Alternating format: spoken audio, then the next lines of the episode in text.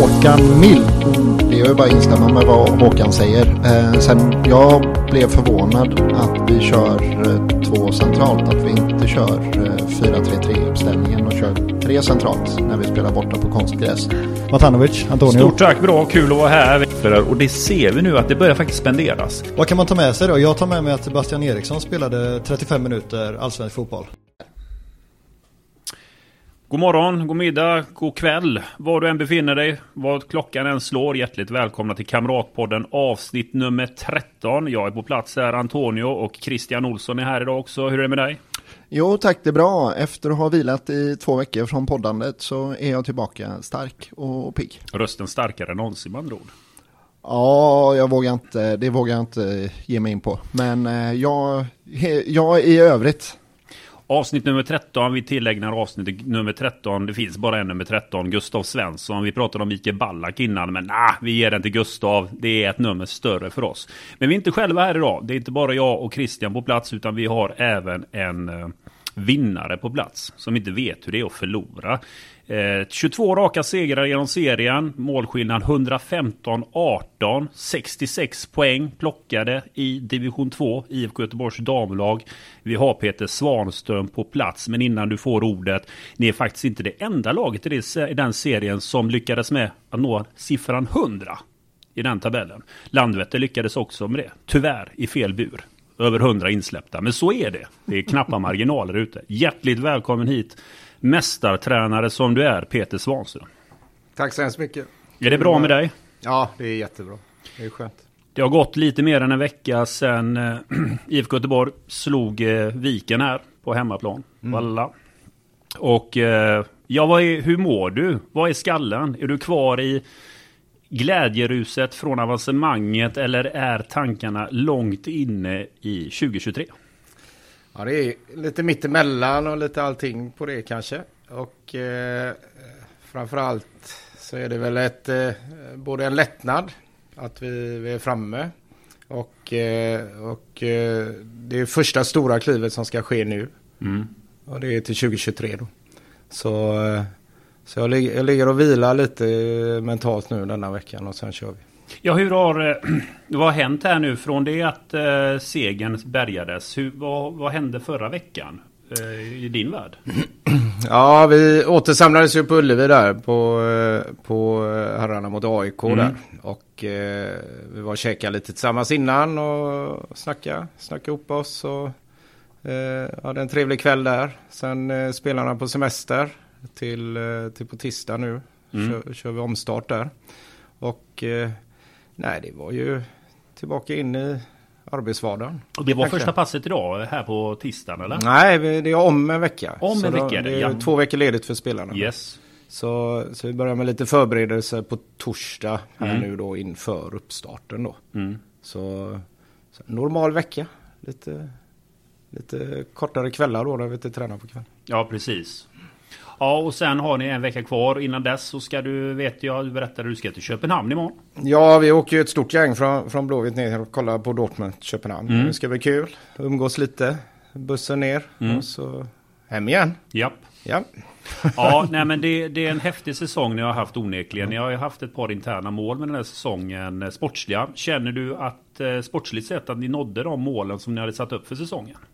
Ja, målet var ju att vinna eh, tvåan, vinna mm. kvalet och gå till ettan. Och det, det, eh, så resultatmässigt har vi nått det, det vi vill. Mm. Vi har haft lite andra mål på vägen som vi har bockat av. Och de eh, eh slår vi på kvalet så nådde vi dem också då. Just det. Eh, för det vet jag att vi pratade om i augusti. Du gillade ja. inte riktigt att jag outade era målsättningar angående gjorda mål. Ja, det låter ju lite drygt kanske då. Men vi behövde ju, det vi sa i augusti där Christian var ju eh, att vi vill göra 100 och när vi har mm. nått 100 så vill vi ha plus 100 i målskillnad då. Och, eh, och det är ju för att om vi hamnar i ett läge där vi visste att vi, vi kommer avgöra serien tidigt så, så är det ju, behöver man ju saker kvar och eh, jaga helt enkelt och prata om då. Det blir roligare så. Och eh, eh Hopkins gjorde ju mål 100 där i plusskillnaden då så, så, så gjorde vi ett till sista matchen där. Så nådde vi plus 101 då. Om eh, Alingsås inte hade lämnat walkover så hade ni ju löst det i seriespelet. Nej, det kan vi inte säga. De kom ju sen till Vallalla och då fick vi 3-0. Så eh, de gjorde, gjorde det bra. Det, absolut. Så jag kan inte, jag kan inte säga det. Det, det, det, det får stå för mig Ja. då. Så är det. Resultat i all ära. Du pratar ju väldigt mycket också om prestation och att det ska ske en utveckling på plan. Ni har ju såväl eh, mål på laget men också individuella mål på spelare. Är du, är du nöjd med hur prestationen har sett ut på planen? Har du fått ut det du ville av spelarna i år? Nej, inte, inte av alla spelarna. Nej. Och det, det hade ju varit jättekonstigt. Mm. Eh, sen, sen har ju flera av spelarna tagit eh, stora steg i år. Mm. Och eh, några har inte tagit de stegen de själva har velat. Mm. Och de som, som jag har försökt eh, få dem att nå då. Men eh, utvecklingen går ju så, det går stegvis. Ibland kan det vara en längre raksträcka innan det går brant uppför då. Mm. Och, eh, så så det, är, det är helt naturligt. Men Mm. det är klart vi har högt ställda mål individuellt på de här spelarna. Då. Det är ju det är ett akademitänk i det då de är så unga, hur, hur de ska utvecklas. Då.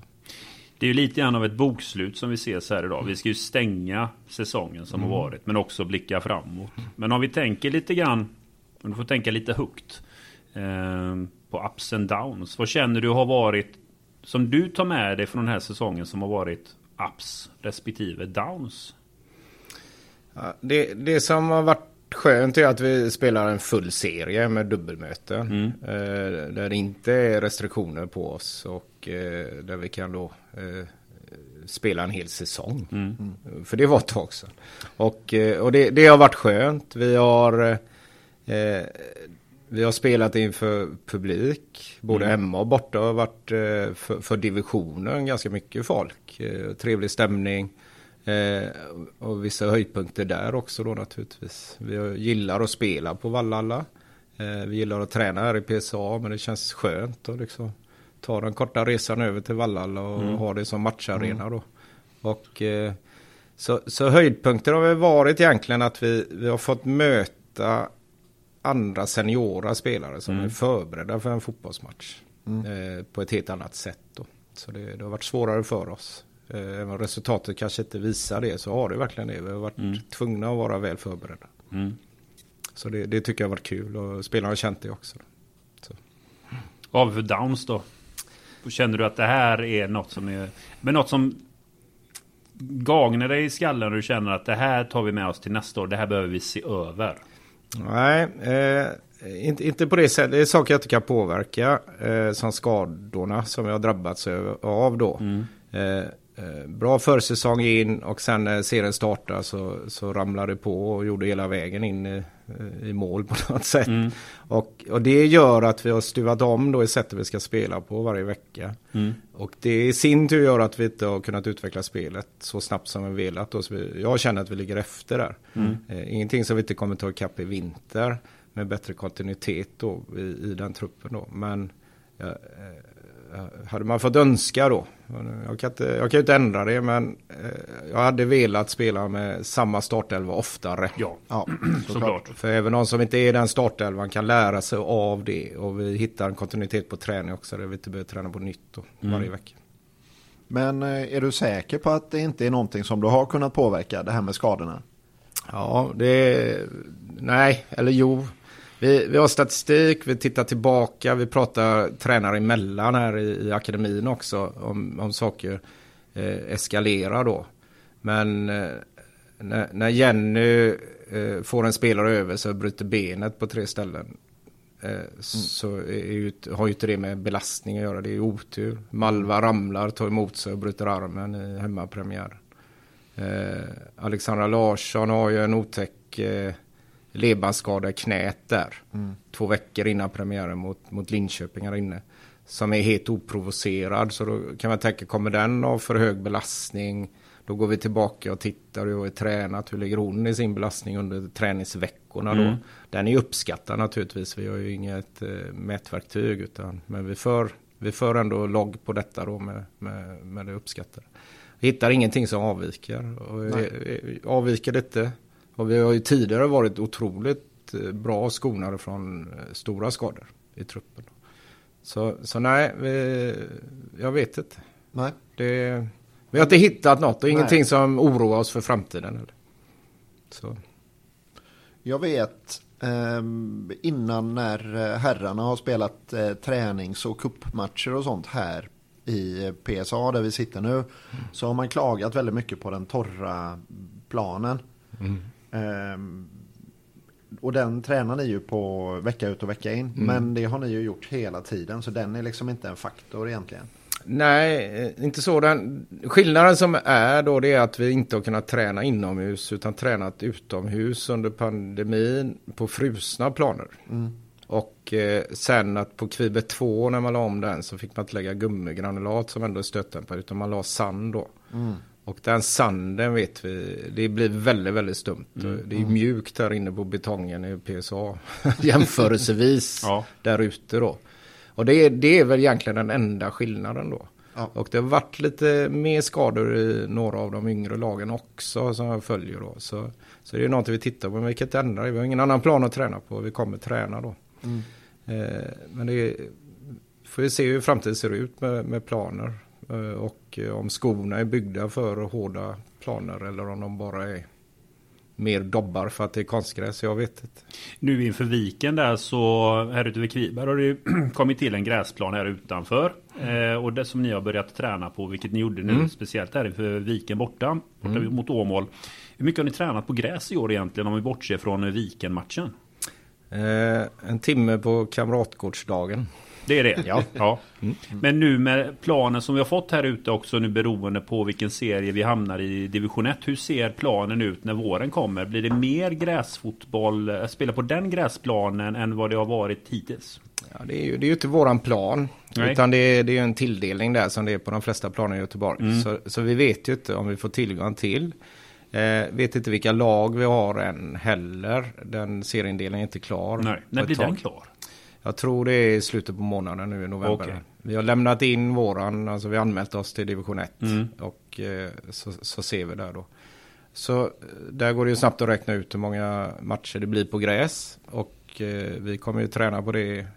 På ett eller annat sätt kommer vi träna på det underlaget vi ska spela match på. Mm. Eh, men basen kommer ju ligga på konstgräs. Då. Och vi tar lite snabbt här nu på division 1. För att det, det händer ju väldigt mycket här till nästa säsong. Förklara för oss vad det är som händer med division 1 och varför vi inte vet vilken serie vi hamnar i. Så då går man från 6 division 1. Eh, så behåller man vinnaren, de fem bästa lagen i division 1 slås ihop till tre ettor. Ja. Och så blir det kvalvinnare från alla tvåorna då. eh, Alltså som går upp då tre, tre kvalvinnare upp Just det. där då. Och så kommer det ner tre elitettan-lag. Eh, och så kvalar sexorna in sen också då. Eh, eh, från Götalandsserierna i alla fall då, och fyller på. Och sen är det lite oklart om det ska vara 12 eller 14 lag här. Beroende Ja. på eh, geografisk indelning då i Norrland sen också där. Men eh, eh, så, så det vi vet då, 12 till 14 lag, Ja. tre division 1. Ja. Eh, och eh, då tänker vi att vi hamnar någonstans kring västkusten och neråt då. Och då är det ju eh, den tuffaste division 1 eh, hittills. Ja, då får ni ju Malmö. Vi får Malmö FF, eh, Södra Sandby med eh, ett gäng 05 som har fostrats eh, sedan de var 15 i landslagen här då. Två i år efter Trelleborg, en poäng efter. Mm. Och eh, de är hypervassa. Vi har mött dem några gånger på juniornivå. De slog ut oss i förlängning i semifinalen i SM förra året. Och eh, eh, de är bra. Och eh, sen har vi Halmstad BK. Vi har Halmia. Rosengård. Rosengård 1917, deras utvecklingslag där. Och Eskils minne. Eskilsminne, den stora akademin utanför Helsingborg. Vi har eh, Häcken. Om de inte får, det kan ju vara elitettan-lag som inte riktigt mäktar med ekonomin. Och då är det väl Häcken som är näst på tur för en, en fribiljett upp då. Ja, för de vann ju sin serie. De vann serien, förlorade kvalet då mot Okej. Trelleborg då. Ja. Minsta möjliga marginal, så de är väl högst rankade av kvallagen skulle jag tro då. Och nu när vi pratar om Häcken så menar vi originalhäcken. Det som var Ja. Häckens lag innan eh, de tog över Kopparbergs. Precis. Det, det andra heter ju Kopparberg Häcken. Nej, jag vet inte vad det heter. Nej, men det, det heter väl faktiskt eh, BK Häcken FF. Så är det. Mm. Så eh, eh, de börjar väl hamna rätt där med att kalla det ena eh, A-lag och det andra utvecklingslag. Det Mm. är ju väl lite så som det ska vara, tänker vi. Men eh, eh, så, så ja, BK Häcken och eh, ÖIS, Ljungskile, Kenty kanske från Linköping, beror på hur det sträcker sig nu. Örebro SK. Så, så vi Värnamo vet med inte. kan du få Värnamo är klara där också. Det, Just det. det beror på hur de, vad, vad drar vi strecket någonstans? Och Ja. Är det, blir det västra östra Sverige eller blir det södra och mellersta och Norrland? Vi vet ju inte. Det blir ju en himla stor skillnad för att Mm. primärt blir ju era bortamatcher söderut. Halland och neråt Mm. blir väldigt, väldigt många matcher. Men eh, rätta mig fel, nu sa vi det att de som var i division 2, det var ju tre lag som gick upp nu från Ja. Mm. division 2 i vår kval. Och det är ju vi, ÖIS och Malmö FF. Ja. Elfsborg är väl det laget som står på tur som förlorade med minst marginal. Om det är någon som skulle backa till Alltså Elfsborg upp, kan få upp kinget. ettan där. Ja, Ja, Elfsborg åkte ut i kvalet mot ÖIS. just det. Och, eh, men så har det igen då med, med de här landsändarna att göra då. Och det, eh, eh, Vi- Viken eh, har ju också rätt då till, till att titta på en plats då med ungefär samma resultat som, som Det blev samma målskillnad. Där. Ja, eh, jag tror det. ja, Jag vet inte hur de kan räkna. men de Och, hamnar ju i eh, Norrlandsfönstret. Ja, man tycker ju det. Man tycker det var ju jättelångt Åmål. Ja, men, jag. man, brukar, ja, man brukar säga allt norr om Alingsås är ju Norrland brukar man säga. Men eh, även när jag åkte Mariestad i jobb. Så, så hur som helst är det ju en kanonfin etta vi ska få spela. Det är en jättestor skillnad som vi ställs mot. För nu möter man ju det blir ju lite grann som att det är nu det blir lite grann på riktigt. Vi har många utav de etablerade klubbarna som startade samtidigt som IFK Göteborg har samma resa som eh, vi har. Att man startade... Ja, inte riktigt va? Ja, eh, Malmö, Jo, jo, de, ja, men de har haft samma tabellresa Olsson. Sen hur laget kom till kan ju alltid diskuteras. Det, ja, det, det, det, det tycker jag att vi Jo, men kan det kan unna oss det att diskutera. kan man göra många lag, även på herrsidan och liknande, absolut. Men de har ju haft samma resa från det att man börjar från scratch. Det är lite inte olika... riktigt samma resa. Nej, men det är olika sorters truppbygge. Vi kan ta Malmö FF som exempel. Det är ju inget lag som har den här låga snittåldern som vi har. Nej. Eh, de har färdiga spelare. Eh, känner du att om man tittar på dagens trupp, IFK Göteborg är ju trots att ni har varit igång ett par år. Det är fortfarande ett väldigt ungt lag. Det är ju inte många som är över 20. Vi har en målvakt som är otroligt senior i den här truppen. Men hur, hur går dina tankar? Vi säger här nu, om en månad så landar serien. Ja, men vi får Malmö FF, vi får Värnamo, vi får ÖIS, vi får Häcken, vi får Eskils minne. De kör väl ganska ungt också, Eskils minne? Kan göra. Ja, det är ett diplomatiskt svar.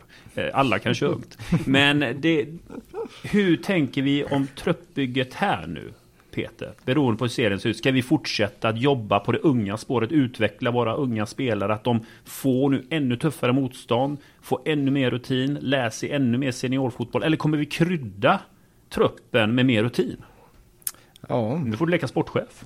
ja det kan, det jag göra. Och eh, Ja, det det här är en, eh, en, en mycket större fråga än vilka vi ska möta i division 1 faktiskt. Utan det, är, det är en, hur sätter vi den långsiktiga planen för IFK Göteborg idag? Hela den verksamheten. Mm.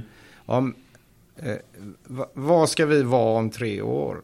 Och det är inte rimligt att de som är 14 år i år ska spela i allsvenskan om tre år. Eh, inte allihopa i alla fall, som är i akademin då.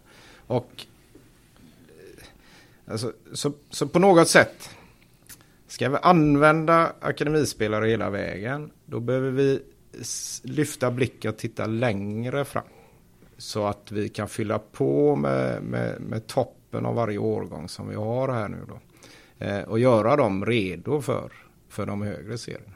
Men ska vi sätta, sätta en plan där vi ska vinna ettan, elitettan och sen upp till allsvenskan och, och sen lära oss hur vi spelar allsvensk fotboll då. Om det är det vi ska göra så, så behöver vi eh, eh, bredda truppen rejält Mm. med eh, äldre spelare Mm. med erfarenhet då.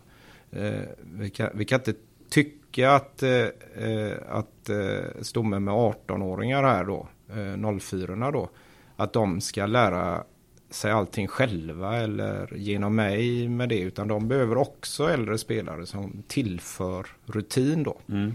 Och de kommer ju bara utifrån. Mm. Vi har ju varit äldst här i flera år nu. Trots att vi är unga. Mm. Så, så då behöver man titta på det. Men, men det är ett beslut mer. Vart ska vi? Mm. Vart ska vi vara om tre år och, och hur bråttom har vi nästa år då? Mm. Eh, sen frågar man mig och frågar man spelarna. Vi vill vinna alla matcher, vi vill vinna Såklart, serien, vi ska upp då. Och vi är ju beredda att ge det oavsett om vi har en snittålder på 17 eller 24. Mm. Så tänker vi försöka vinna varje match. För oss ändras inte målsättningen. Nej. Men det kommer bli olika svårt.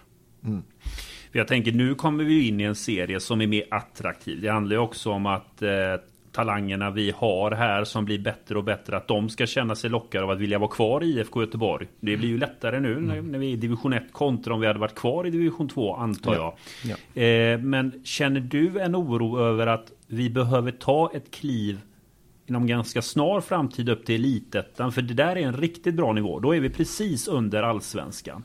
Vi reser runt land och rike och möter väldigt, väldigt bra lag som utmanar för att komma upp till den högsta ligan. Eller kan vi känna oss nu där vi står idag att här med inställningen absolut att vinna en match. Men vi går inte under om vi landar på en mittenplats i ettan.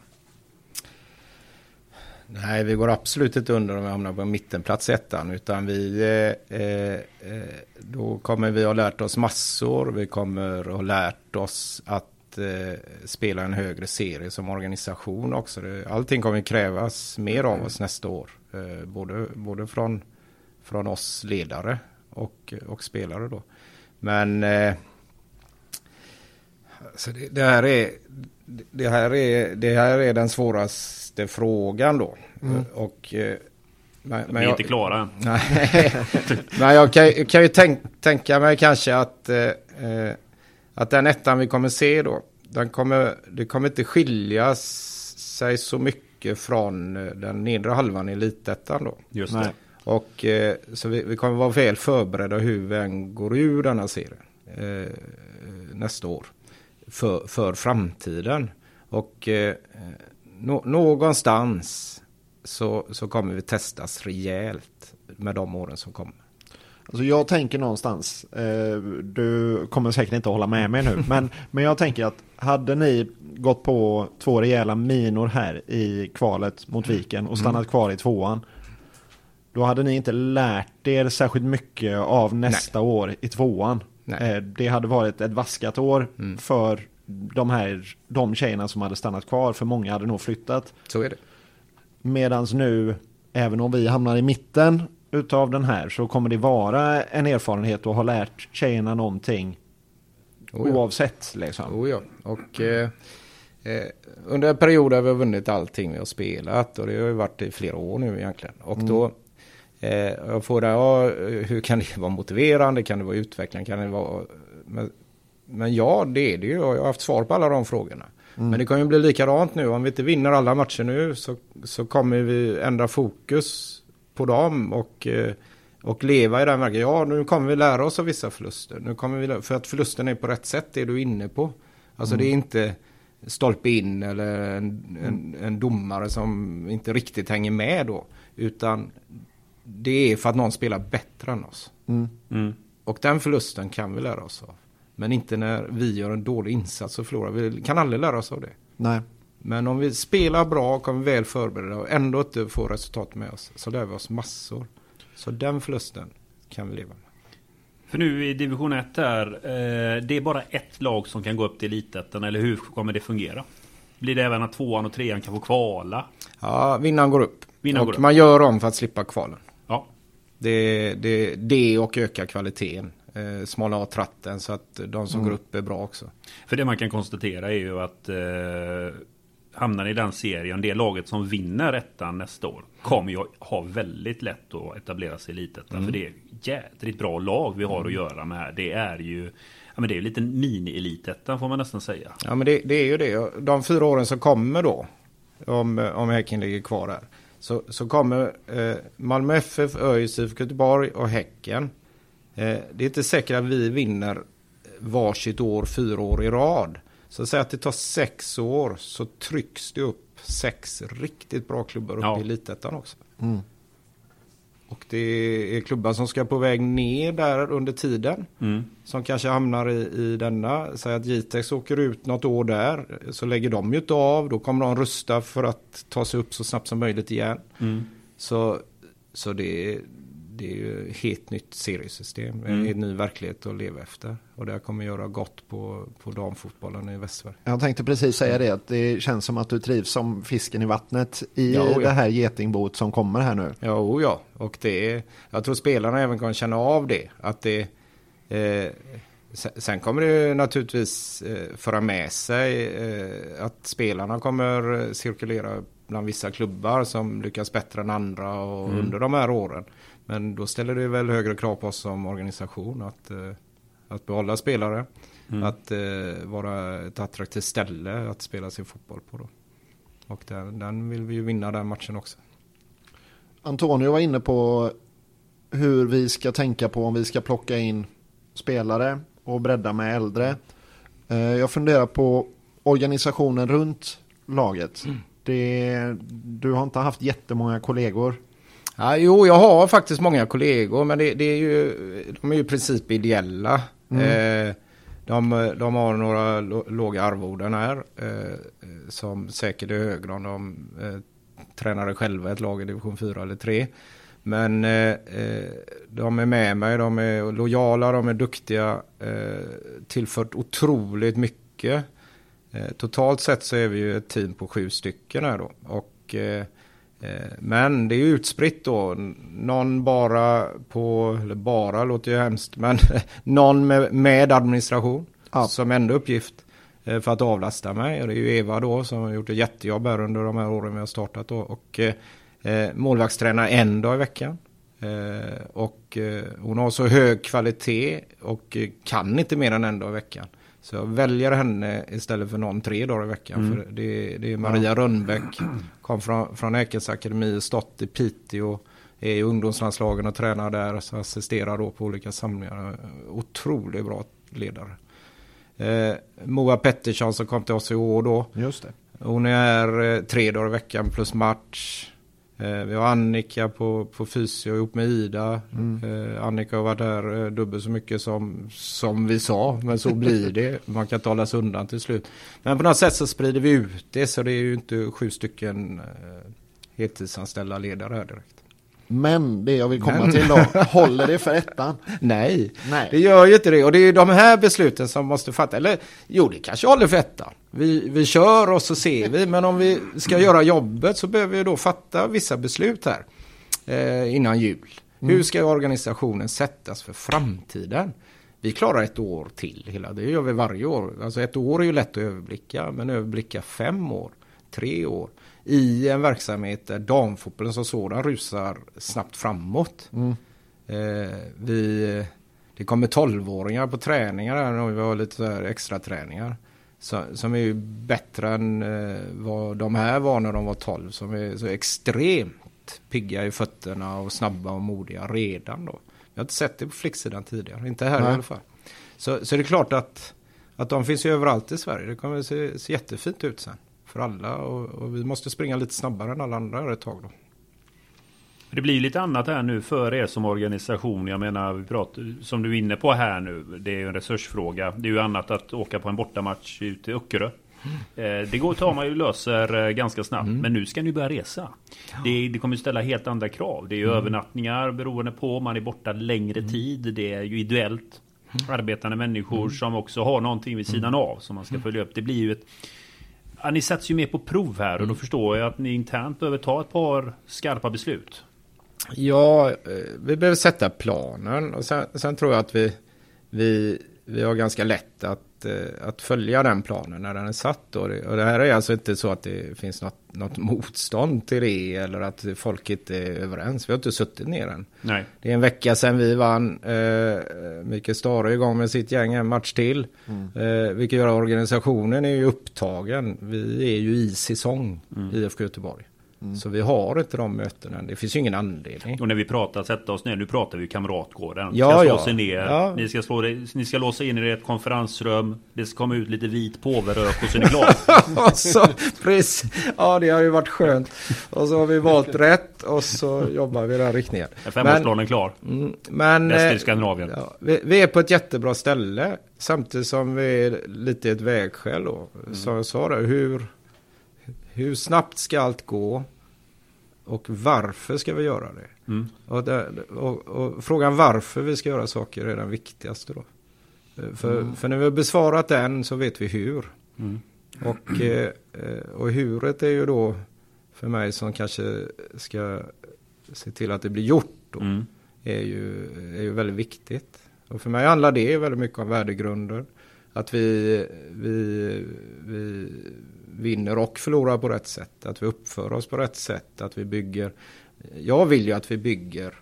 Eh, om vi lämnar resultaten, seriesegrarna och uppflyttningar och allt detta. Och så tittar vi vad, vad vill IFK Göteborg ha för damlagsverksamhet om 10, 15, 20 år. Om vi kan bygga den plattformen nu samtidigt som vi siktar att så snabbt som möjligt ta oss till allsvenskan. Om vi klarar både och så blir vi så kan vi vara stolta över det vi gör och tacksamma över att vi får göra det. Mm. Men om vi ska köpa 15 spelare för att det eh, garanterar oss mer vinster så garanterar det inte att vi är på rätt ställe om 10 år. Just det. Det garanterar bara att vi är på rätt ställe i november. Mm. Och, och det, det kan man ju göra om man tycker det är kul. Eller en bra sak för IFK Göteborg. Jag tror ju inte på det, utan jag tror ju på det andra. Att vi, vi måste kunna göra både och. Men jag tror ju att där, jag är helt övertygad om att du har med dig medlemmarna och supportrarna på det spåret. För det var ju det spåret vi ändrade till när vi startade A-lagsverksamheten för dam. Precis. Och eh, jag är ju säker på att jag har alla med mig på det. Eh, eh, och det är ju inte bara min idé utan det är ju så vi vill prata och så är det jag som, som är rösten utåt då. Och, men det är så lätt att missa det. För, för det vi gör nu kommer prägla någonting för vi säger om vi om vi om, om 40 år hamnar fel så har vi en svacka. Ja, Eller hur? Mm, då, då är vi i en svacka och så åtgärdar vi den och så kommer vi igång igen. Men om vi gör fel de första tio åren så är det ju inga svackor. Då är vi bara tillbaka till så som det var från början, lika illa igen. Mm. Så, så det är nu och det är inte resultatbaserat, det är värdegrundsbaserat. Vi måste bygga kring det så att vi gör rätt saker. Jag tror det är en viktig fråga för att eh, om man ska ta nu damfotbollen generellt sett så är det som så att vetskapen hur damfotbollen fungerar är ju inte lika stor som herrfotbollen. Det är nog många som inte riktigt vet vad är det för division 1 vi kommer in i? Nu är vi ju bortskämda. Det har ju varit, det är ju bara segerkolumner. För många så är ju det här ett maskineri, ett tåg som det finns ingen sluthållplats när det bara öses på. Men det blir ju så mycket annorlunda redan i division 1 och det är på något sätt inte normalt. Men vi har ju kommit till det läget där många klubbar har Eh, nu pratar vi inte Malmö FF Christian. Andra lag som också sätter igång sin verksamhet som kommer upp som oss. Det blir ju annan situation. Och det är viktigt för oss supportrar och medlemmar att förstå att Precis som du pratar om Peter, vad är det vi vill göra? Är det, är det att vi ska ha den här resan med de tjejerna vi har nu? Att de ska liksom växa med laget. Växa vidare och utveckla laget och IFK Göteborg. Och det hållet ska vi gå. Ja, då är det en resa. Men vill vi ha snabba resultat, då gör vi som Malmö FF. Vi plockar hit 15 stycken och vinner 7-0 varje match. Det är två helt olika vägar för IFK Göteborg. Ja, ja, det, ja det är ju verkligen det. Och det eh, och, För då, då hade vi inte ens, i den resan, då hade vi inte ens behövt börja längst ner. Då hade vi kunnat ta över en förening Ja, ja. och bara köpt 15 spelare och säga ja, vi vann SM-guld, Champions League nästa år, gud vad kul. absolut. Så är det på Hisingen. Samtidigt är det lätt att glömma det. så är det. Att, att det är det, det som har varit så bra med detta sedan vi startade. Mm. Att det har varit lugn och ro. För det är verkligen lugn och ro. Det är bara positivt allting. Eh, spelarna är med oss, supportrarna är med oss, medlemmarna är med, partners är med. Alla är ju med. Mm. Så, så om vi bara kommer ihåg varför vi gjorde det från början. Men där tycker jag att det är viktigt att det ska det pratas mer om till nästa säsong. För i början så var ju damverksamheten, med all respekt, man pratar ju inte om spelarna, man vill liksom inte... Det skulle vara lite skyddat, väldigt ungt. Nu syns de ju mera, de exploateras mycket mera.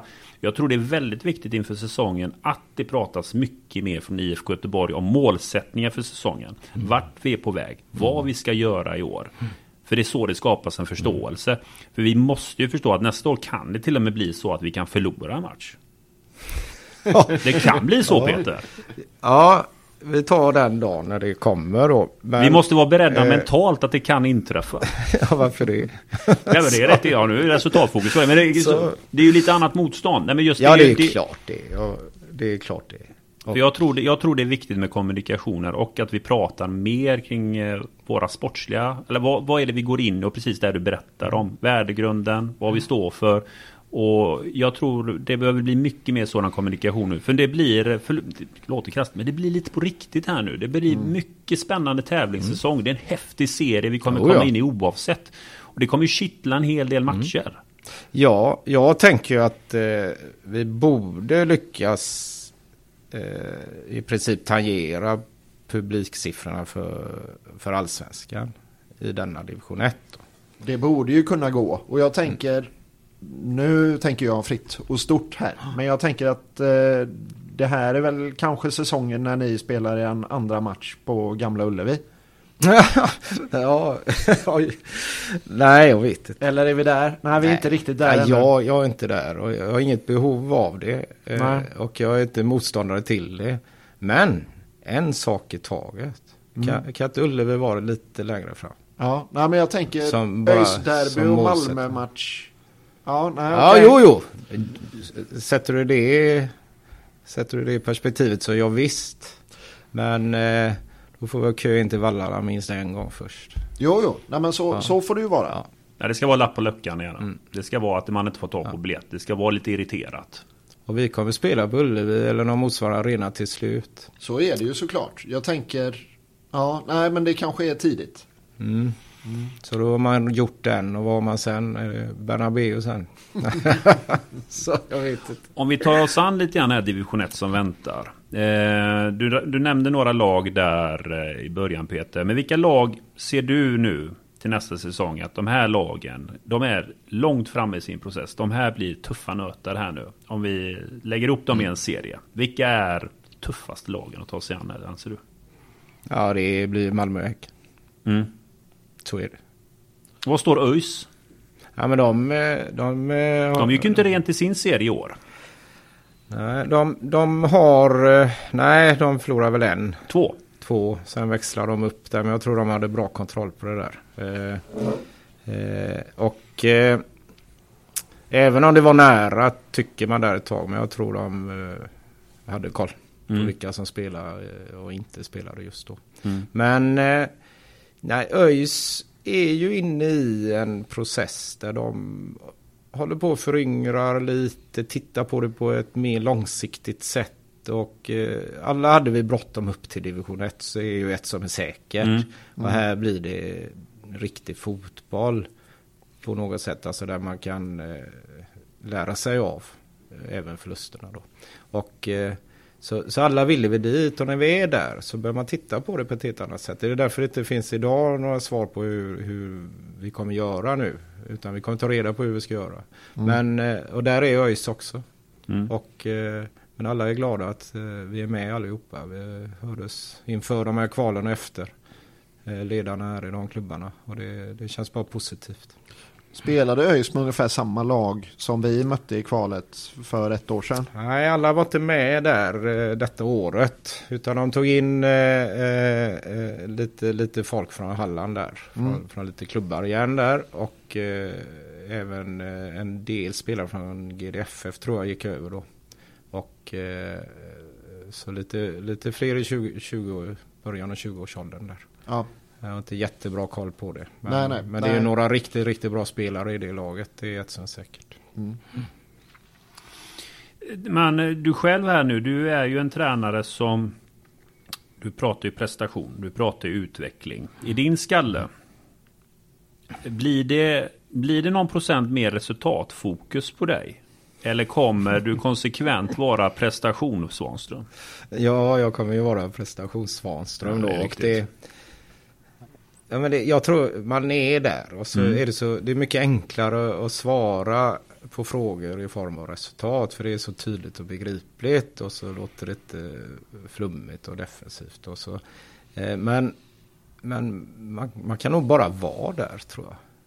Eller jag, jag vet jag, jag är ju där. Jag vet inte det andra. Nej, men. Marcus Lantz sa det, för, sa det i förra avsnittet, för det var ju någonting som han inte saknade när han tränade i Allsvenskan. För han kunde ju sitta där och säga att vi förlorade, ja det blev 0-1 tillbaka, men han kunde vara jättenöjd. Alltså det var verkligen ett steg åt rätt riktning. Så kunde han liksom gå ut och hämta tidningen i brevlådan. Så kom ju grannen och hytte med näven. Det var ju bedrövligt. Sen kunde vi vinna en match med 1-0. Jag kan tycka det är helt värdelöst. Så blir jag hyllad i hela stan. Alltså vi hade ju en eh, tränare i herrlaget som var väldigt mycket processtänk och, och prestation och sådär. Och det är i längden så som supporter när man kryssar eller förlorar och huvudtränaren står och pratar om vilken bra prestation det är. Till slut så går ju säkringarna hos en. Alltså, ja, men det är, inte, det är inte där jag är. Alltså, Nej, det, nej. det är verkligen inte där Nej, jag nej, är. men det är viktigt att betona här. Det Ja, finns olika grader nej, i prestationer. Nej, nej, utan det, och processer nej, och... utan att förbereda ett fotbollslag, en fotbollsspelare för att vinna en fotbollsmatch så måste resultaten bort. Och det tänket, det, det är ju bara i vägen. Det är, Mm. Varför då? Nu får du berätta. Det här är intressant. Så, om, om, om jag ber dig gå ut och vinna med 3-0, hur ska du göra det? Ja, det frågar jag ju dig. Ja, för jag är din tränare, är så, så då Ja. måste jag ju berätta det Ja. då. Så- Men du inleder ju inte säga att vi ska vinna 3-0. Utan du börjar väl prata om planen först. Där. Ja, jag behöver prata om vad vi ska göra och hur vi ska göra det. Mm. Och varför vi ska göra det. Ja. Och eh, varför ska vi göra det då? ja, alltså i den sunda världen är det för att vi ska vinna matchen. Med 3-0 eller 4-0 eller 1-0. Alltså det, vi, egentligen är ju svaret på, på varför vi då ska göra detta. Det är ju för att vi ska eh, skapa målchanser på ett visst sätt. Och så ska vi kom, komma till rätt ytor. För vi anser att eh, genom det så har vi större chans att vinna matchen. Det är ju mycket längre svar än, än 3-0. Mm. Eh, De kanske har värvat Han som stoppar alla bollar där i andra änden då. Eh, Så har vi gjort allting rätt. Mm. Och vinner inte, utan det blir 0-0. Men vi har fortfarande gjort allting rätt. Men jag tänker stå efteråt och säga då vid 0-0 att eh, vi är supernöjda att vi fick 0-0. Utan vi kan besvikna för att vi fick 0-0, men vi har fortfarande gjort allting rätt. Det är ju en jätteskillnad att du säger just det. För det där är ju det som kan skilja en del possession-tränare runt om i Europa. Nagelsmann är en av dem i Bayern München. Kan ju liksom prata om processen och tyskarna är vansinniga på honom i Bundesliga. Och där, han kan ju vara jättenöjd. Men 0-0. Spelet såg bra ut. Eh, men där skiljer du dig att du är... Du kan, du kan vara missnöjd över resultatet men eh, spelplanen följdes. Vi, vi får väl se. Vi får väl se. Ja. Det är viktigt, det är en känslig fråga säger jag det. Mycket processer där ute och folk... Eh, Ja. Klopp-eran, eller nej, det är ju... Det är ju City-eran och Barcelona-eran. en träningsmatch, ja visst. Mm. Gå in och gör jobbet, gör det rätt, gör det efter den planen vi har och den är långsiktig och vi ser en progression i spelet och spelaren litar på det och så förlorar vi den och så är vi jättenöjda att vi är där vi är. Mm. Men i en tävlingsmatch aldrig. Nej. Du, eh, vi hade ju bland annat eh, Filippa Hopkins. Ja, Och ju, hon har ju skött sig. ja hon, eh, hon gör ju resultat Hon gör ju för resultat. oss. Ja. Men det är ju till exempel en spelare som i år har tränat för att hur man ska göra mål i division 1. Ja, ja, lite så har vi försökt förklara sättet vi, vi har tittat på det. Eh, eh, eller avbröt jag nu? Kommer det någon twist på frågan? Ja, det kommer ju en följdfråga såklart. Men vi, det behöver inte vara Hopkins som exempel. Men Nej. nu när ni kör igång för säsongen och ni Kommer ni ha spelare där ni ska få dem att tänka hur man spelar i elitettan? Eller ska vi vara i division 1-tänket med spelarna? Ja, Hur stort är hoppet? För nu, vi pratar ju om det själva. Det är nästan så att hoppet från... Om vi hamnar i den svåra serien division 1, att hoppet i elitettan kanske inte är jättestort. Nej, men den är ju inte det. Tre, tre, om vi tar årets elitetta, tre av dem platsar ju inte i elitettan för de åker ur. Mm. Vilka är det som åkte ur i elitettan då? Ja, det är ju inte klart än, det är en omgång kvar där. Ja, ja. Men eh, vi kan ju veta att det är Älvsjö Mm. och Rävåsen. Sen Mm. står det mellan TFG och eh, Bergdalen. Okej. De har samma målskillnad, samma poäng. möter Ja, Berg, ettan och tvåan. Bergdalen. Jag kände faktiskt en, eh, Sara Lindén. Spelar ju där. Hon var ju innan i Kopparberg. Har jobbat med henne. En legend från Sjuhäradstrakten. Ja. Bott i Borås ett tag. Så alla vet vem Sara Lindén är. Hon håller igång än i Bergdalen. Kan säkra kontraktet i helgen. Det är några bra spelare där. Ja. Och, eh, så de, eh, de har en stor chans att hålla sig kvar. Mm. Eh, Men ja, de som åker ur är ju division 1-klubbar då. Mm. Alltså det, det är ju de, ska vi jämföra oss mot dem också då? Eller tänker vi toppen Älv- elitettan? Toppen elitettan är ju alldeles för svår för oss Ja. i år. Eh, Växjö som, eh, som eh, åkte ur allsvenskan och nu är uppe i allsvenskan igen. Mm. Ett superlag. De är ju bra som helst. Och Elitettan får ju nästa år besök av, som det verkar, Umeå IK och AIK som Ja. trillar ur Mm. högsta ligan. Det är inga dåliga lag alltså. Det är Umeå IK, gammalt Champions League-lag som ska hålla till Elitettan igen. Precis. Så det, ja. Men eh, fick vi, vi fick inte riktigt ett svar här nu då. Vad var frågan? Nej men frågan var ju... Ska vi ha några Elitettan-spelare nästa år? Eller i skallen? Ja, om vi ska förbereda dem för elitettan eller ettan. Alltså det, vi ska förbereda dem för nästa stora steg tror jag vi ska titta på. Då, då, nu är det okänt på riktigt. Det, det vi har vetat innan det är att där vi är eh, så är det inte tillräckligt hög nivå för att det ska hjälpa oss att titta på nivån vi är på. Vi måste hitta på någonting annat under tiden. Och då, då är det ju att försöka lista ut eh, eh, hur till exempel Filippa Hopkins då behöver eh, röra på sig straffar och vilka, hur, hur avsluten ska se ut, hur snabbt de får iväg det efter mottagning och, och de bitarna. Och då, eh, annars har vi inte förberett henne, vi har gjort henne en otjänst. Men hon kommer göra lika många mål i division 2 oavsett hur vi än gör då, tänker vi. Och, eh, och det gynnar ju ingen då. Så det är egentligen det, det vi har pratat om. Och det, och det är ju i samma tänk då att det är unga spelare, de har många, många års utbildning kvar. Och vi behöver bara hitta sätt att nå fram till dem så snabbt som möjligt i den utvecklingen.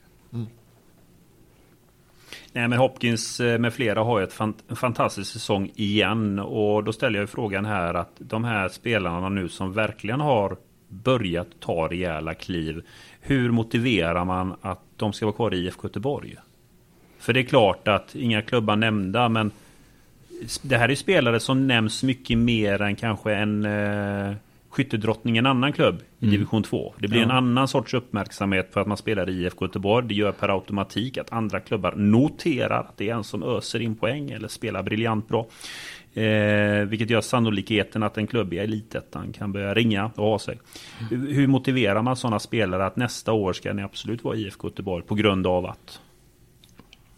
Ja, det, eh, upplevelsen är ju en stor sak i detta. Om du, eh, eh, om du inte spelar för, för pengarna, och det gör ingen i division 1 dam, så, eh, så är det ju egentligen vad... Då är det två stora saker. Hur, hur kan jag nå mina mål? Och så skiljer sig de målen från spelare till spelare. Och eh, vilken upplevelse får jag på vägen? Och den är lite svårare då. För Mm. spelaren tänker ofta inte så. Den tänker mycket längre fram. Mm. Eh, är ofta inte nöjd med någonting eh, som den har. Den vill ju ha någonting mer. Mm. Det är ju drivkraften till att satsa på en elitkarriär överhuvudtaget. Det är, du vill mer hela tiden. Mm. Och det är svårt att tillfredsställa den typen av människor överhuvudtaget då. Eh, så, och definitivt så är det inte pengar som, som hjälper då. då Mm. Det hade varit mycket enklare. Här, 5 000 spänn och springer du med nu då? Eh, Alltså det, det är ju inte där vi är. Och där Nej. är nog ingen människa egentligen. Ja, för jag tänker elitettan kan väl inte komma och erbjuda, det är ju inte pengarna i elitettan heller. Det är inte Det är väl- pengar någonstans Det är väl i Sverige. all, i allsvenskan Det är det ju det i vissa klubbar. Ja. Men då kan man, det är ju inte en stor chans att man går från division 1 och tar en startplats i en allsvensk klubb. Nej, nej. Och det är ju ingen som någonstans vid 17-18 års ålder av de som har eh, högre löner i allsvenskan. Nej. Som gjorde det som karriärval. Nu lägger jag tio år på intervaller och passningar med fotens insida så att jag tjänar massa pengar. Mm. det, det är ju inte drivkraft. Nej, men det är en jättestor skillnad just på herrallsvenskan och damallsvenskan. För jag menar damallsvenskan är ju inte bra på att locka upp. Det är ju en helt annan grej. Och det är lite grann till vår fördel här. För vi är inte mm. duktiga på talangutveckling inom svensk damfotboll. Det är ju en stor andel utländska spelare i högsta ligan. Det gör ju också att duktiga spelare, talanger, beroende på hur det går för oss, men även för andra klubbar i lägre serier som har väldigt talangfulla tjejer, tar ju inte klivet upp till allsvenskan för det finns ingen plats. Nej. Det är ju fullt. Man har, jag menar, svenska mästaren idag, Rosengård. Vad har vi? Det är ju bara ett stort projekt med massa olika länder. Mm. Det går ju helt fel. Det är ju mm. egentligen utvecklingen för svensk damfotboll. De sker i de här serierna nu. Det är här vi har utvecklingen, det är här vi har framtiden. Och därför är det också viktigt att flera av de här klubbarna som nu befinner sig i den här situationen, som vi är nu till exempel, som fostrar spelare, att vi ändå blir en attraktiv klubb som ändå kan ta klivet upp. För att ska jag för jag tänker på det du pratar om Peter, fem år, tio år. Ja, jag tror det är väldigt viktigt att vi i alla fall i en plan har en litettan-klubb. För då är det på, lite mer på riktigt och det blir också lättare för oss att ha kvar spelarna. Då är vi också rikstäckande. Där kan också klivet för tjejerna vara mycket större. Att om man har ambitioner och drömmar, det är lättare att ta sig ut till Europa. Om man är i elitettan i ett större fönster än vad det är i division 1. För annars hamnar man i akademi någonstans utomlands och får aldrig riktigt chansen. För Allsvenskan är värdelös. vad, vad, vad skönt att vi konstaterar det. Men nej, det är den ju naturligtvis inte. Nej, men på det sättet att fostra men, talanger Peter, det, det, mm. det, står jag för. Jag tycker det är för mycket utländska spelare i, och det ja. ser vi också i andra ligor ja. också. Men vi är dåliga på talangutveckling generellt sett inom svensk ja. damfotboll. Jag håller med om det. Jag ska svara färdigt på den första mm. frågan så påminner mig att återkomma till ja. talangutveckling där. Så förutom att vi kan i IFK Göteborg verkligen ge upplevelser då i form av 1520 åskådare mot Viken mm. i slutet på oktober på Vallala. Som verkligen engagerar sig i matchen. Mm. Det, är inte, de, det, är inte, att sitta och titta och artigt applådera. Det är ju engagemang på läktaren. Och det finns ingen annan klubb som ger det vad jag vet. Jag har inte varit med om det. Och det här vet tjejerna. Och det är så viktigt. Eh, när vi åker till Ullevi dagen efter, vi har eh, från, eh, från eh, vår organisation, alltså från IFK Göteborgs sida, ett fantastisk eh, helkväll där, där vi äter middag på, på trädgården innan och eh, får lite applåder där. Vi är uppe i restaurangen på, på långsidan där på Ullevi och vi får gå runt lite och de känner sig omhändertagna på riktigt. Mm. Och, eh, och sen när vi kommer in på plan och, eh, och folk verkligen applåderar och klacken sen börjar, börjar sjunga där. Och, och hyllar både sin klubb och spelarna i, i detta. Eh, det, det är minne för livet. Och vad, det är ju det vi jagar. På riktigt. Det är ju mm. den, den gemenskapen och det kamratskapet och den tillhörigheten man känner i det läget. Det går aldrig riktigt över. Och eh, där är vi ju eh, marknadsledande mm. då, helt enkelt. Vi är ju verkligen det. Mm. Det finns inget division 2-lag med unga tjejer som får den uppbackning vi får i upplevelsen. Mm. Så varför ska du byta klubb då? Det finns ingen som erbjuder någonting annat. Nej. Sen då så kan jag tänka, ja om vi då är, har dåliga träningar och så har vi eh, lite dåligt med resurser och så blir vi illa behandlade och allt det andra. Då sticker man ju med en gång. Mm. Men vi utgår från att vi håller en hög professionell nivå i allting vi gör då. Mm. Så är det upplevelsen vi vill ha. Mm. Det kan ni ta med er där ute ni som lyssnar. Att eh, gå på matcherna om du kan. Så behåller vi Så, ja men så är det verkligen och det säger tjejerna själva också. Det, mm. det, de blir så glada. De matcherna kommer lite mer folk och de hör lite mm. mer från sidan. Och jag ser ju skillnad i spelet också. Alltså det, det är lite mer tryck i allting. Mm. Så det är så himla häftigt. Jag var ju på eh, Vallhalla-matchen mot eh, Viken och det var eh, Göteborgsväder av sämsta mm. kaliber. Mm. Men det var ändå ja men som du säger, det var ändå en, en riktig klack och mm. det var ändå eh, livat på läktaren. Det var, det var härligt. Precis. Likadant eh, hyllandet eh, dagen mm. efter. Sen fick ni ju, mm. ja, ni valde en bra match. En bra ja, höstmatch. Så är det. Nej, och jag så menar, ska man ta Derby del R40, det var ju, vi har ju två lag ute i Landvetter. Det är ju Landvetter IF som spelar i division 2. Men den matchen i år som drog publik, det är Landvetter IF mot IFK Göteborg. Mm. Det är den matchen vi pratar om, det är den mm. matchen man kommer ihåg. Eh, det är matchen det var liv, det var feststämning, det var en häftig upplevelse. Eh, det tar man med sig där uppe ifrån i år att det var, det var en härlig tillställning. Det var mycket folk på plats, långsidan var full och mycket blåvita på plats. Eh, ja, det var en härlig stämning och det, det, kände man ju av på plan som du säger. Det var en härlig miljö mm. eh, både för Landvetter och IFK Göteborg.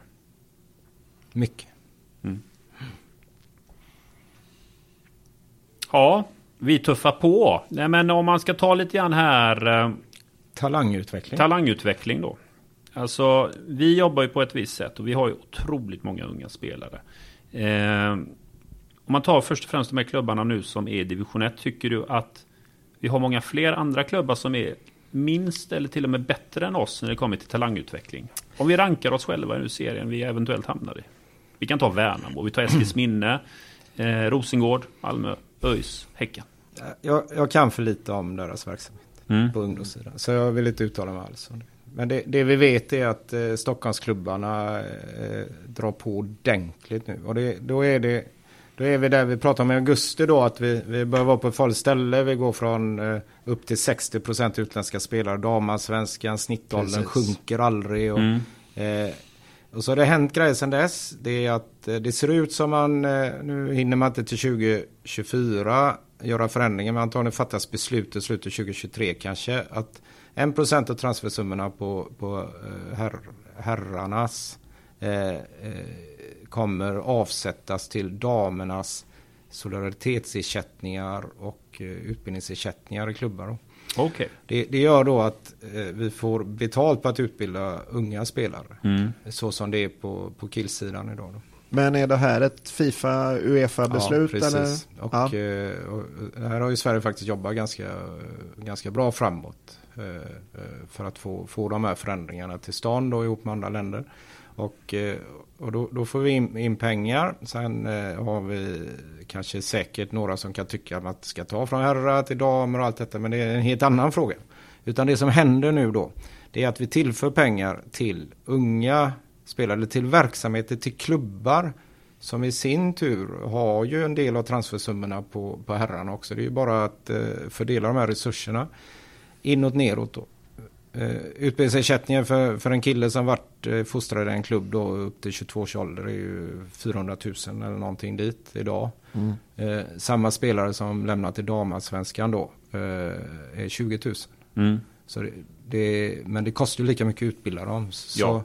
så när det gör det så varför ska vi utbilda flickor då? Var, varför mm. har vi flickor i akademin i Göteborg? Det kostar ju bara en massa pengar. Eller hur? Mm. Vi, vi, har det av andra orsaker. Vi har det av värdegrunder och vi ser på saker på, på ett bra sätt. Ja. Så därför har vi det då. Men i det långa loppet kan man ha det då. Om det inte händer någonting med att få betalt för utbildningen. Då. Och kommer man få det redan 2025 så behöver man börja nu. Så att vi har massa 12-åringar från 12 års ålder det gäller sen. För de kommer ju då tillbringa vissa intäkter. Nu är det inte så enkelt. Den som tar emot ska ju ha råd att betala också och mm. så vidare. Ja. Och, och beroende på hur det ser ut. Men i det stora hela så, så löser man incitamentet att starta akademiverksamhet. Djurgården annonserar idag om att anställa fem stycken tjänster på flick. Mm. Kombinerat med damlaget. Då. Och det är allt från scout en chefscout som bara jobbar med scoutingverksamhet. Eller om det är Djurgården. Det, de är också ute på exakt samma sätt. Med fyra, fem heltidstjänster. Damflick. Mm. Detta är Djurgården. Vi har Hammarby också. Mm, det är de det, två som är ute nu. De två är ute och kör.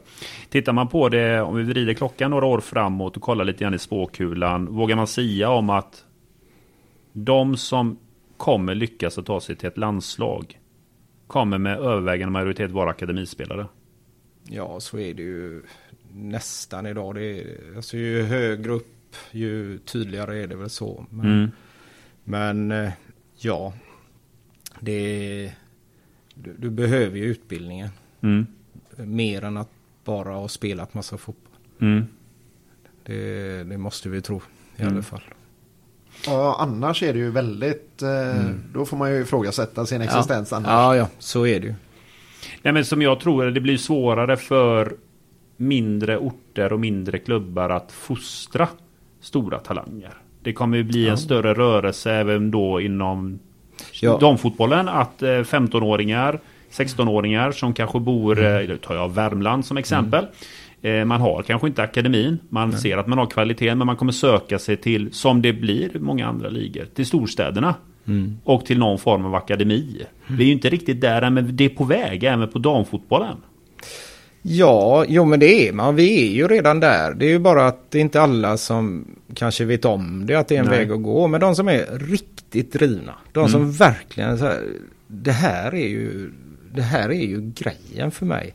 Det jag får här, det räcker inte. Du får inte upplevelsen eller du Nej. får inte utbildningen. Det är ju Eller, de mäng, två. eller mängden träning också. Ja, en den kan du del. kanske ersätta själv då. Ja. I, I de riktigt unga åldrarna. Att bara eh, träna mycket själv med boll. Det kommer du ganska långt på. eh, Ända upp till 15 års ålder egentligen. Och, men, eh, men på något sätt så har vi ju de som söker sig hit i, i den åldern. Och det är säkert ännu mer från Norrland som flyttar ner till Stockholm. Och, och i Skåne finns det ju i form av Rosengård och nu Malmö FF då. Så, som har ganska många ungdomslag på Mm. tjejsidan. Så, så förändringen är ju där. Nej men det som jag menar är att det är ju, det kommer ju, det är ju så pass stor skillnad på en akademi där man har utbildade tränare som Ja, dedikerat oh ja. jobbar med detta på rätt sätt. Många föreningar har ju ideellt eh, arbetande, oftast föräldrar som har gått någon tränarkurs och så är det hej och hå. Det är bra men det är inte riktigt det här att kunna se spetsdetaljerna som man får ut utav en akademi.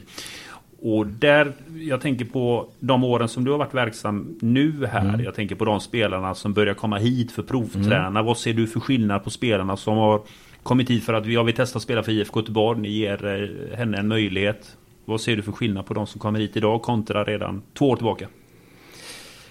Ja, eh, de som kommer nu har ju förebilder till att börja med. De kommer för att spela i IFK Göteborg. Mm. Det, eh, för två år sedan kom man ju hit för att spela fotboll. Mm. Eh, och hade inget mål med det. Mm. Och så fick man göra det mot andra som ville spela fotboll. Eller ihop med andra som ville spela fotboll. Men nu kommer det ju, det, det kommer ju 12-åriga tjejer som ska spela i IFK Göteborg. Vad har de för förebilder?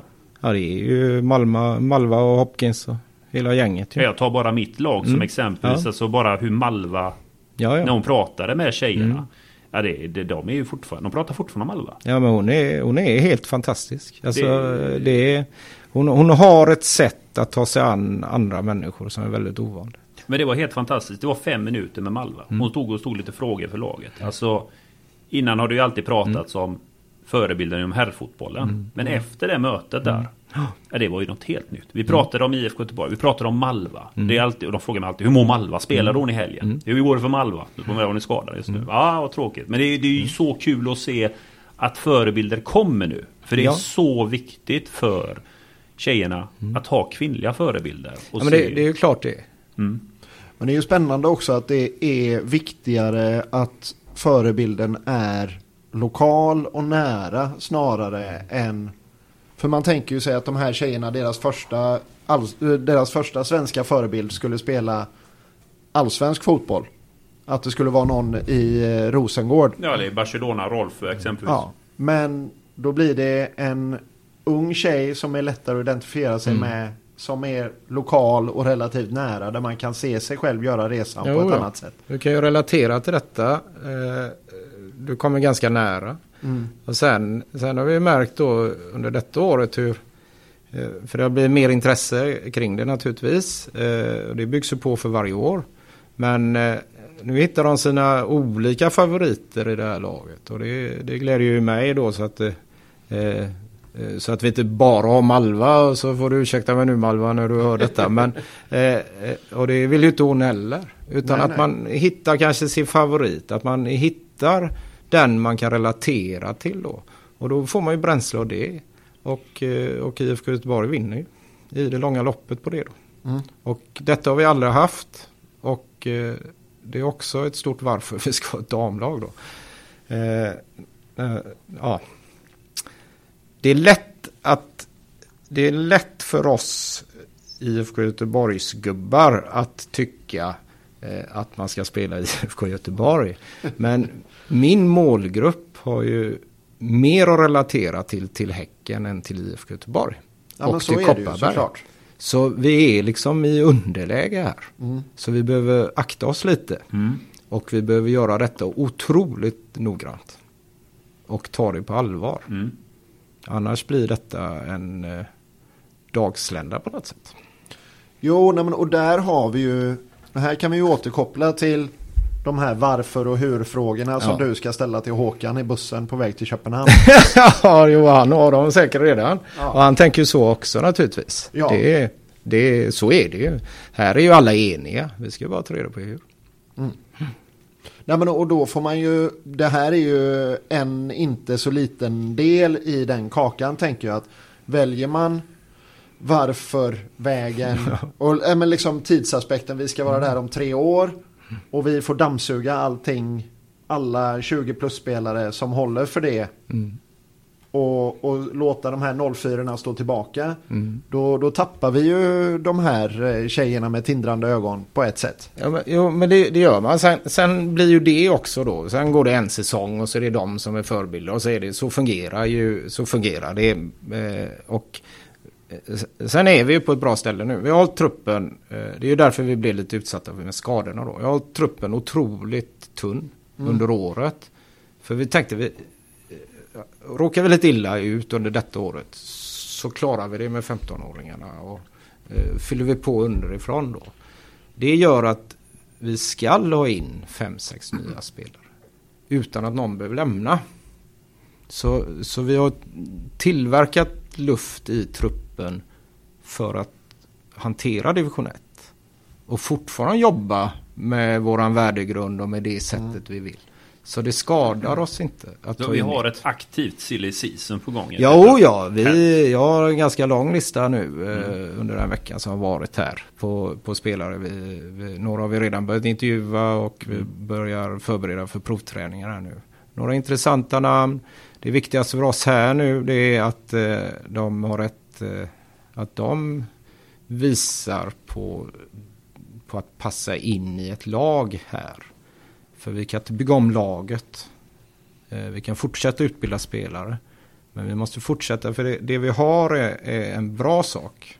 Eh, däremot så saknar vi erfarenhet så som vi började här. Mm. Man säga.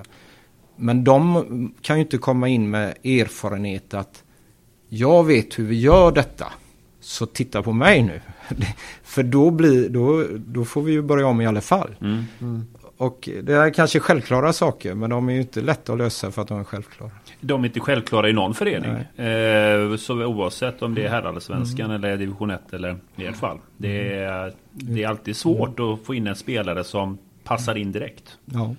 Ja, men och särskilt om man ska ha in en äldre rutinerad pjäs som ja, som ska anpassa sig till ett gäng yngre spelare som har sin grupp och, och där man inte automatiskt ska gå in och Nej, alltså det, det är, ja, och de ska trivas i en roll där man, eh, de kan ju inte komma in och bli mamma till eh, alla utan att, utan de- de måste ju också känna sig delaktiga, utmanade och, så det finns en gräns för, för, för, för vilka vi ska ta in. Mm. Eh, vi, vi har ju lättare att vinna division 1 med en eh, 32-årig mittback från allsvenskan.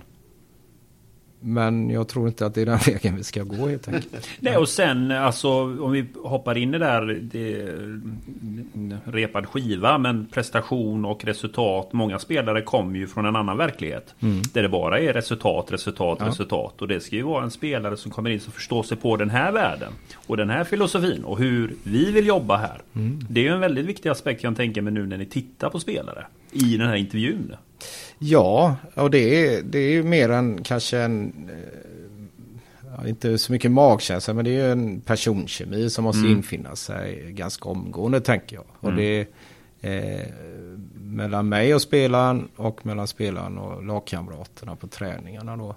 Och det, det har man ju ofta lättast att läsa av kring spelarna då. Där, där bedömningen fotbollsmässigt den får ju jag och Moa Pettersson stå för. Mm. Eh, och det andra kanske eh, lagkamraterna kommer meddela.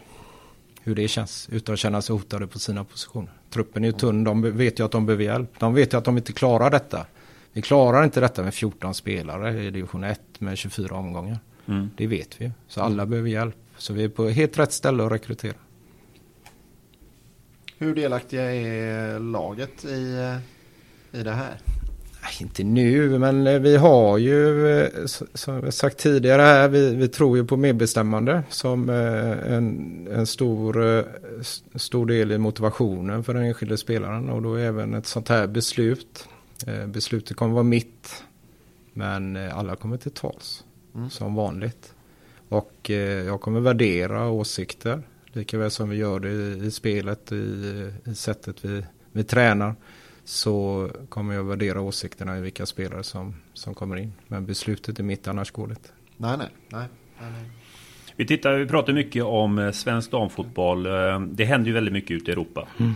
Eh, Tittar man idag, jag kan till exempel ta som exempel är att om jag rabblar upp klubbarna Lyon, Barcelona, Paris, Wolfsburg, Bayern München, Chelsea, Arsenal, Manchester City, Atletico Madrid och Juventus. Vad har de här klubbarna gemensamt?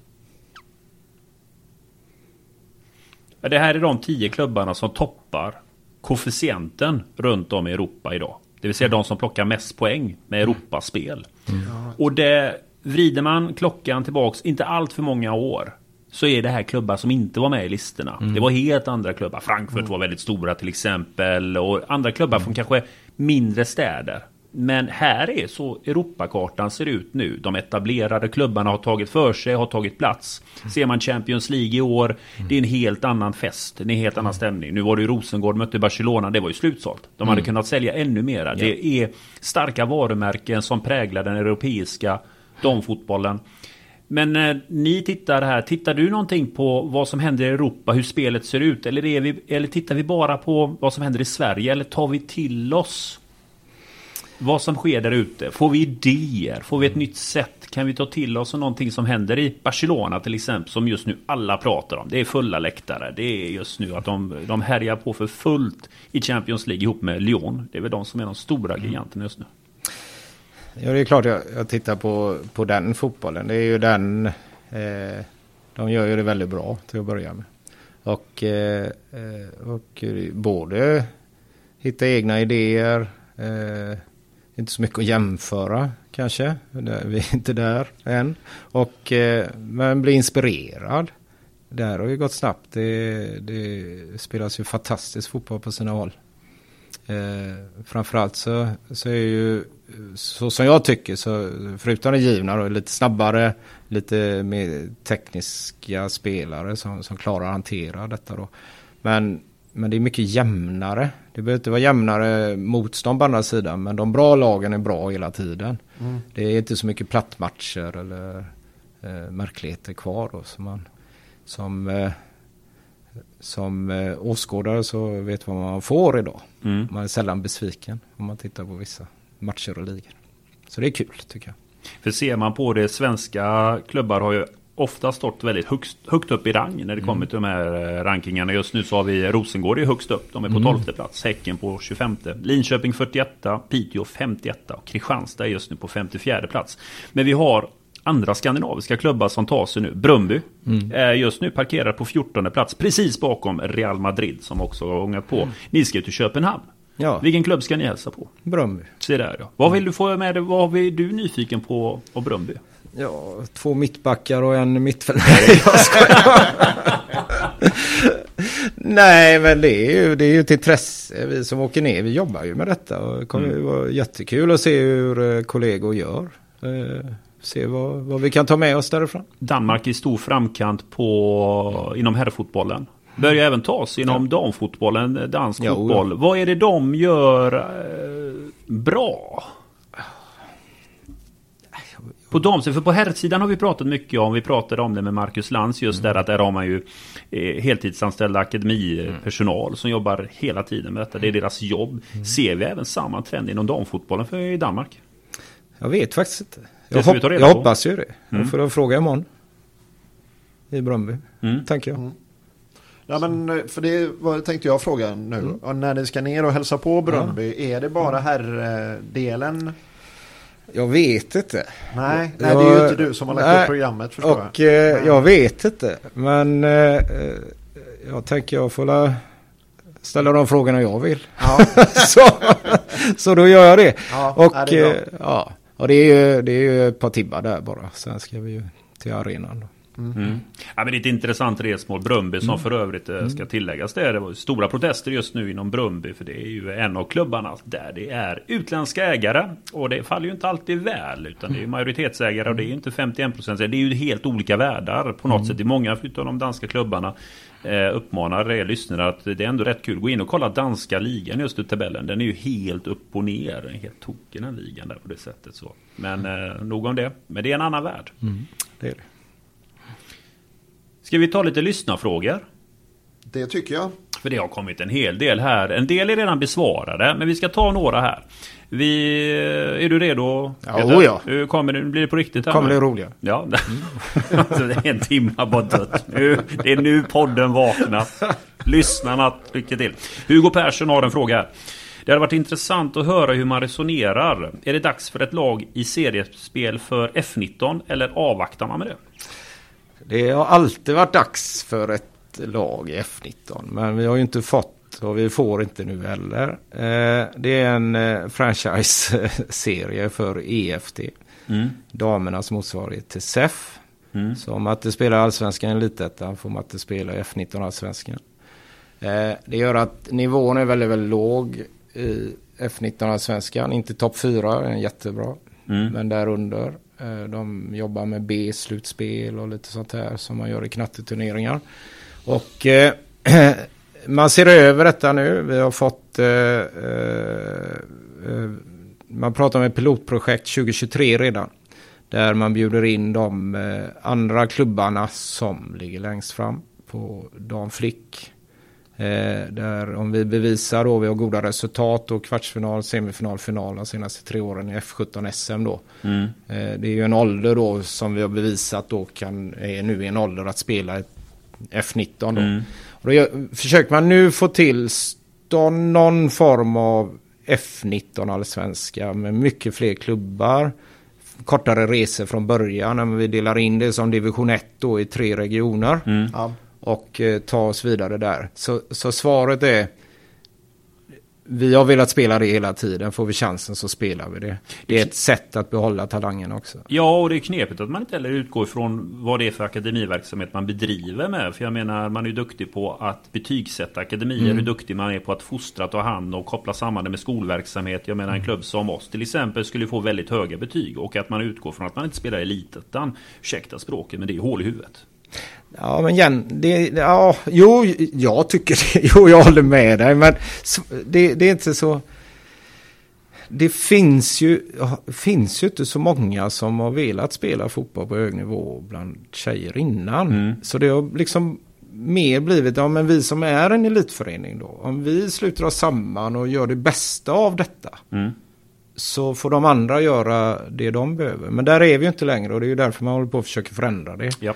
Och eh, Svenska fotbollsförbundet står bakom nu och jag tror att det blir en förändring. Mm. Eh, annars får vi väl vinna ettan och så får vi spela 2024 då. Mm. Mm. ja. eh, vi har från Jocke Mode här. Räknar vi med att utlånade spelare kommer tillbaka? Det räknar vi alltid med. Ja. Mm. Och eh, jag kan inte säga att det blir så. Eh, Vilka har vi utlånade? Vi har två. Vi har Novelle Jensen i Häcken och vi har eh, Victoria i Alingsås FC. Alingsås FC har en match kvar i Elitettan till att klara avancemanget till Allsvenskan då. Och eh, eh, så där, där någonstans behöver vi vänta till Elitettan är färdigspelad. Men båda spelarna tillhör IFK Göteborg 8 januari när transferfönstret öppnar. Eh, kort följdfråga där. Hur tycker du att det har gått med utlåningarna? Vågar du utvärdera dem lite grann? Ja, för Novali Jensen så det, tycker jag det har gått jättebra för hon behövde ett miljöombyte. Eh, hon, gjorde, eh, hon gjorde bra ifrån sig här fram, fram till sommaren. Eh, tappa, hade en svacka i sin motivation. Eh, hittade inte helt rätt. Eh, kom in spelare hit som jag ville titta mer på, på liknande positioner. Så det, det, är liksom inga enkla beslut och en 16 år. Eh, ska vi prata om upplevelser så kan man ju inte fastna någonstans där man inte trivs när man är 16, kontrakt eller inte. Utan vi, vi har eh, skyldigheter också. Eh, hon har haft, eh, vad jag förstått det rätt, och haft det bra där. Jag har ju kontakt kanske mer med ledare i föreningarna än spelarna. Novali stöter jag på här i trappen till skolan ibland. Och det är ju inte längre bort än så. Mm. Och hon är, har ju kontakt med sina lagkamrater här och så vidare. Nej, så Novali har fått speltid. Det är det ju viktiga när man mm. lånar ut dem. Eh, annars kan hon ju vara här tycker jag. Ja. Och det har hon fått. Hon har fått en division över i ett Häcken som gjorde en, eh, en rush mot att ta sig till elitettan. Han föll mm. på målsnöret i, i kvalet. Och eh, har ju skaffat sig massa, massa erfarenheter.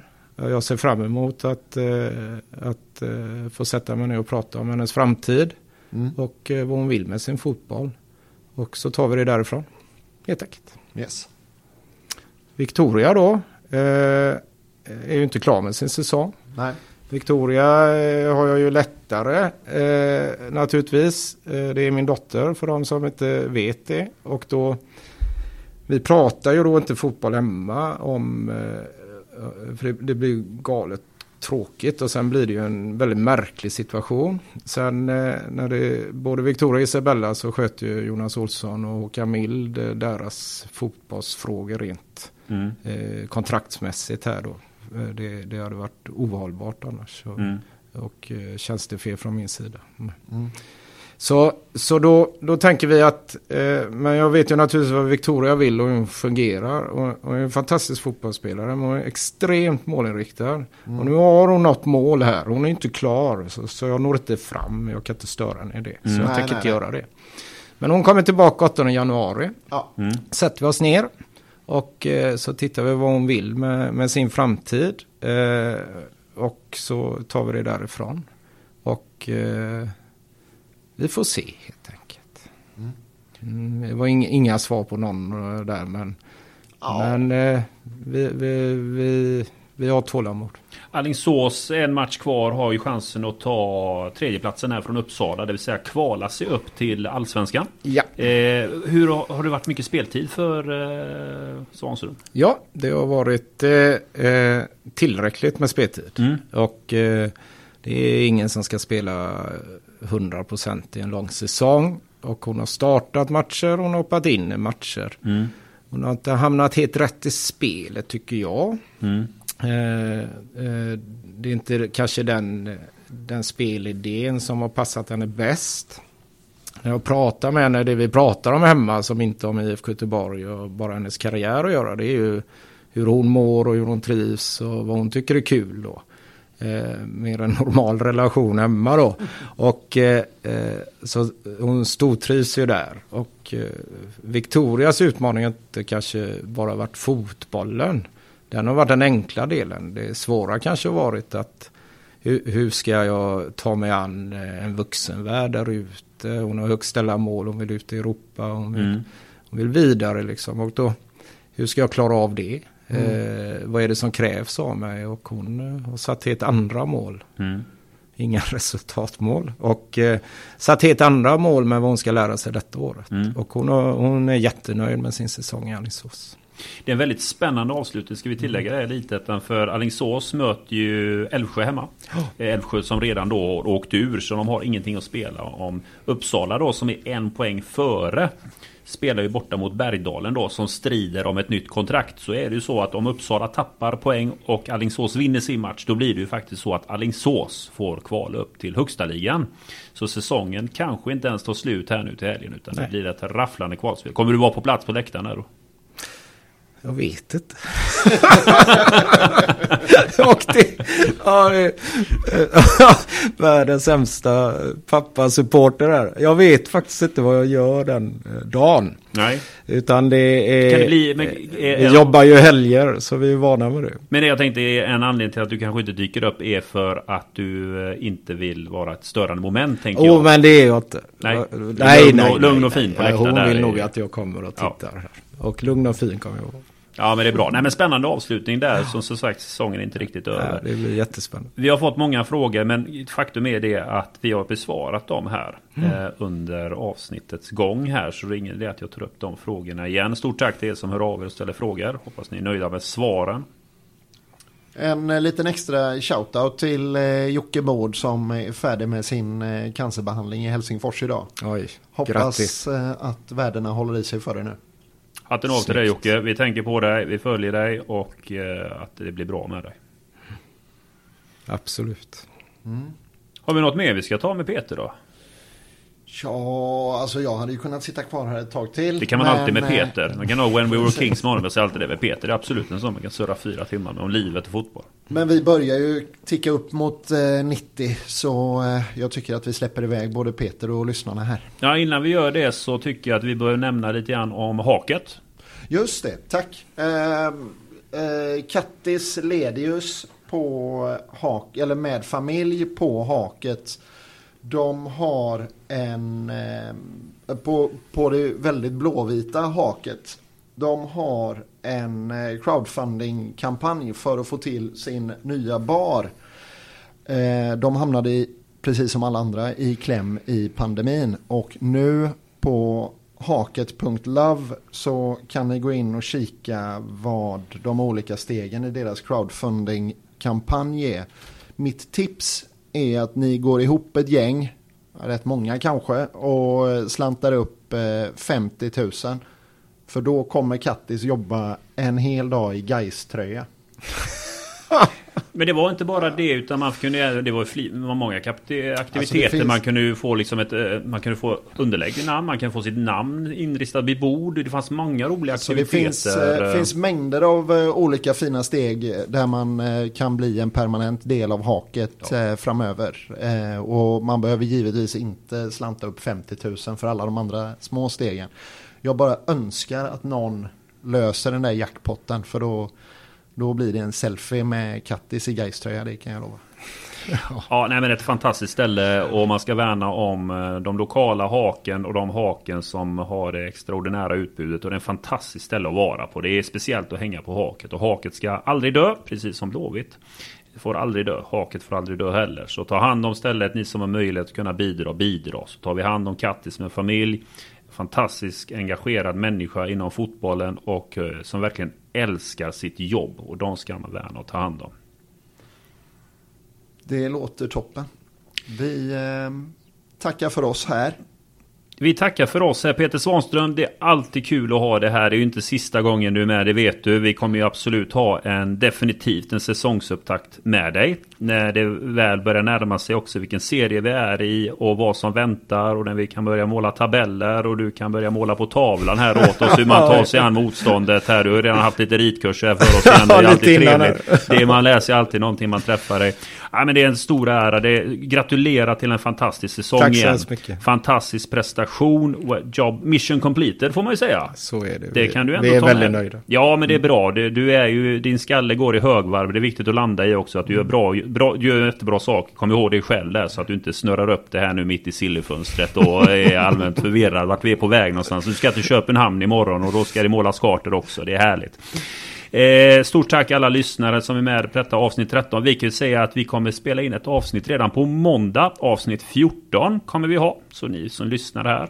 Hjalmar Jonsson-avsnittet. Ja, Hjalmar Jonsson-avsnittet. Ja, vad bra. Ja, men det är dock inte Hjalmar Jonsson som gäst. Utan vi säger redan här att vi kommer ha en legendar på plats. En eh, redan legendar. Mattias Bjärsmyr kommer att hälsa på Kamratpodden på måndag. Vi åker till Kamratgården, tar ett snack med en Ja men en legend som tackar för sig. Han fick ju ingen avtackning som heter duga. Han fick ju publik på plats men det blev kanske inte den avtackningen. Drömmarnas värld för en fantastisk spelare som Mattias Bjärsmyr. Vi sätter oss ner med honom, snackar om livet, om karriären och vad som har varit och vad händer nu? Stort tack allihopa. Tack Peter. Tack Christian Olsson. Tack alla lyssnare. Glöm inte att prenumerera på podden så ser ni när avsnittet kommer. Stort tack. Tack. Tack. Hej. Hur är din form? Nej. Eh, jo, men uppåtgående då?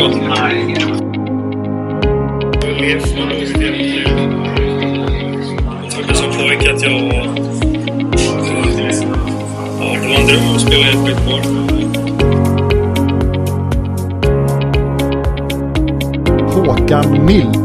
Det är bara att instämma med vad Håkan säger. Jag får göra det som Eh, sen jag blev förvånad att vi kör eh, två centralt. Att vi inte kör eh, 4-3-3 uppställningen och kör tre centralt när vi spelar borta på konstgräs. Nej, 4-0. Alltså det, det är väl det. utan- en bra fotbollsspelare och professionella människor som kommer hit. Olsson, hur läget med dig? Stort tack, bra, kul att vara här. Vad kan man ta med sig då? Jag tar med mig att Sebastian Eriksson spelade 35 minuter allsvensk fotboll. Det. Det är ju inte många år man ska vrida klockan tillbaks när man faktiskt kunde tänka sig att en spelaraffär in till Allsvenskan över 10 miljoner, det skulle nästan vara otänkbart. Det är många klubbar som senaste boksluten redovisade rekordsiffror och det ser vi nu att det börjar faktiskt spenderas. Eh, nej men det är ju en sån liga som är lite grann som Championship var förr. Fullt ös, inte riktigt eh, håll tätt bakåt. Utan eh, ja, raka rör och rätt på mål. Kommer ju passa Oskar. Det är ni som är de konstiga och sådär. Exakt. Åström, Ja. Lite positivt var ju att det är rekord i redovisat eget kapital. Det har vi inte haft sedan jag tittade tillbaka 2007. Tack själv Daniel.